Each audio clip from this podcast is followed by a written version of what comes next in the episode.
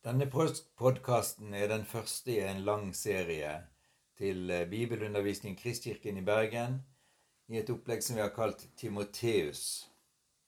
Eh, vi kommer ikke til å ta med alle skrifthenvisninger i podkasten, men de kan du lese i artikler som blir lagt på nettsiden til Kristkirken. Så dette er den første av alle podkastene. Bli kjent med Timoteus, har vi satt som overskrift. Når vi høsten 2021 starter med bibelundervisning i Kristkirken, har vi valgt Timoteus på undervisningsopplegget. Dette gjorde vi fordi det er mye god lærdom å hente rundt den bibelske personen Timoteus.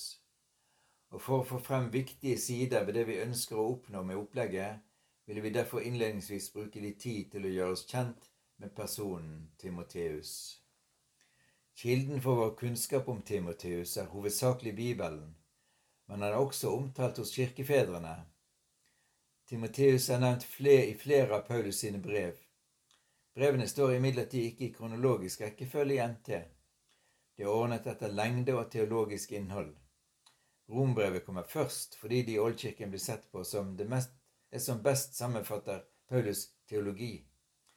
Skal vi få kronologisk fremstilling av relasjonen mellom Paulus og Timoteus, må vi vende oss til apostles gjerninger, som er skrevet av en annen som fulgte Paulus på hans reise, nemlig Lukas.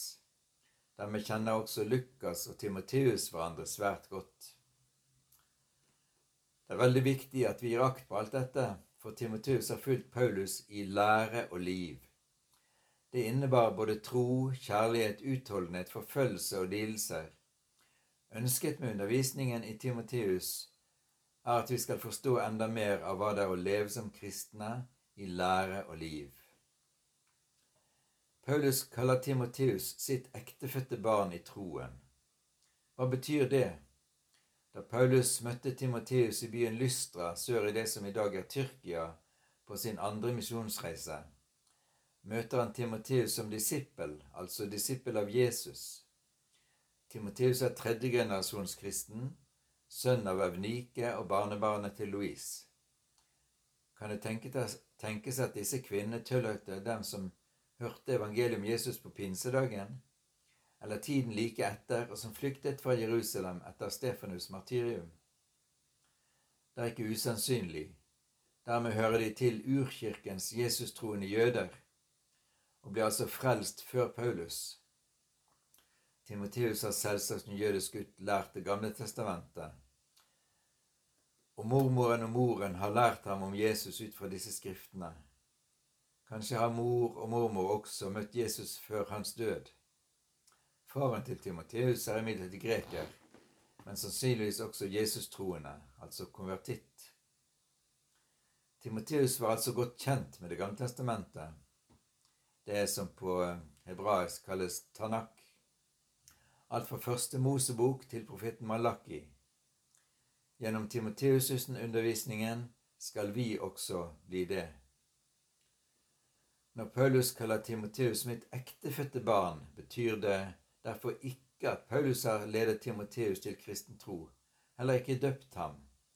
Men det sier noe om hvordan forholdet er mellom disse to. Paulus som apostel har fostret Timoteus åndelig, slik at Timoteus kan etterfølge Paulus når han legger ned sin tjeneste som martyr. Da har Paulus fullført sin gjerning, og noen må følge opp. Deretter blir det Timoteus som må fullføre sitt løp, men i mellomtiden må han gi den apostoliske læren videre til andre. Stafettpinnen må fra, leveres fra generasjon til generasjon, og også til nye mennesker som kan ta misjonsoppdraget til nye steder. Paulus og Timoteus reiste fra by til by og overleverte de forskriftene som apostlene og de eldste i Jerusalem hadde vedtatt. Slik ble menigheten styrket i troen og vokste i tall for hver dag. Timoteus fikk være med på noe stort helt fra begynnelsen. I brevene skriver Paulus ofte 'vi'. Da omtaler han som regel seg selv, Silas og Timoteus og Lukas. Barnabas og Markus, som hadde vært med på Paulus' første misjonsreise, er ikke med på den andre på grunn av uenighet, men siden ser vi at de finner sammen igjen. Så ble Paulus gjennom et syn kalt til Makedonia, Der begynner Paulus' misjonsvirksomhet i Europa. Lukas skriver vi skjønte at Gud hadde kalt oss til å forkynne evangeliet der. Timoteus er med. Siden får han være med på nye, men han er av og til også på utsiden, slik som da Paulus og Silas blir satt i fengsel. Timoteus er fortsatt bare en ung mann, og de verste prøvelsene må vente. Men for hver ny opplevelse, inkludert forfølgelse, blir han sterkere og mer moden. Han er der når Paulus forkynner i Tessalonika. Det blir opptøyer slik at de må dra til Berøa. Men også der blir det etter hvert bråk. Paulus må dras, men Silas og Timoteus blir tilbake for å ta seg av det nyfrelste. Slik vokser Timoteus inn i tjenesten.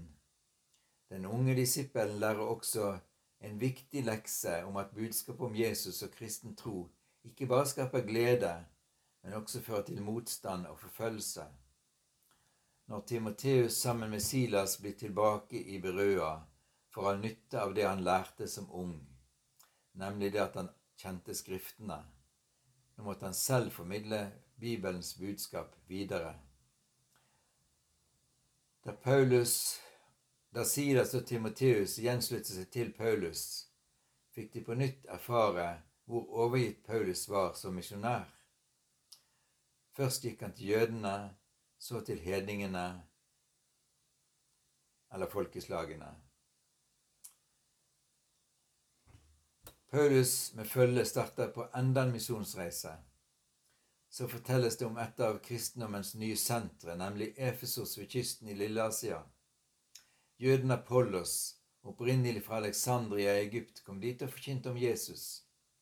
Igjen understrekes den grundige kunnskapen i Tanakh. Det var ut fra GT han forkynte Jesus Messias, på gresk Kristos. Dette er kjempeviktig å få med seg. Mens vi hedningkristne i vår tid blir kjent med Jesus gjennom NT, Det nye testamentet, for å se etter, etter i GT hvor det står om ham, gikk og går fortsatt Jesus-troende jøder den andre veien. Hvis den Jesus Kristus Kirken forkynner, ikke er ham vi finner i Det gamle testamentet, så er han ikke Messias. Men om det er den samme, ja da så kommer også Paulus og hans følge til Efesos. Selv om de skriftlærde, og Akvilas og Apollos, har vært der, gjenstår det fortsatt viktig undervisning og kristen erfaring. Lukas forteller så at Paulus har med seg et stort følge til Makedonia. Blant dem, blant dem er Timoteus. Et stort misjonsteam, et misjonærteam altså. Da Paulus igjen kommer til Efesos og møter menighetens hyrder, pastorer, tilsynsmenn, biskoper, eldste, presbytere, er Timoteus der. Han får høre litt av en alvorspreken av Paulus, som ender med et bønnemøte på kne. Paulus forteller at hans egen tjeneste snart er slutt. Nå er det disse som har ansvar for menigheten. De må vokte menigheten mot vranglære, formaner han. Paulus lot Timoteus bli igjen i Efesos da han dro til Makedonia. Hvorfor? Jo, nemlig for å forby enkelte å komme med en annen lære. Det er litt av en oppgave Timoteus settes til. Da er det godt at han får grundig opplæring i Skriftene og har fått følge, og har fått følge Paulus over lang tid. Nå er Timoteus blitt så moden at han kan ta ansvar for lære og liv. Han blir biskop, tilsynsmann. Derfra drar Paulus og hans følge til Jerusalem. I de siste kapitlene i Apostlenes gjerninger hører vi ikke mer om Timoteus. Men at Paulus og Timoteus på en eller annen måte har pleiet kontakten, forstår vi av brevene Paulus skrev til Timoteus. Det andre brevet er skrevet fra Rom, ikke lenge før Paulus ble martyr, år 64. Timoteus hadde fulgt Paulus som en sønn følger sin far. Nå er Timoteus så moden at han kan være biskop og bli som en far for sine sønner. Men Timoteus måtte også lære at det å være Jesu disippel kan innebære det samme den store mesteren først erfarte, og Timoteus' personlige mester siden skulle oppleve, martyriet. I år 97 ble Timoteus selv martyrdøden i Efesos. Han hadde vært et vitne, gresk martus, hele sitt liv, og nå ble hans vitnesbyrd, gresk martyrion, beseglet med hans blod. Slik leder han opp til sitt navn, som betyr ære, gresk timeo, pluss gresk Gud, gresk teos. Men at Timoteus' liv var slutt, var nye disipler klare til å overta.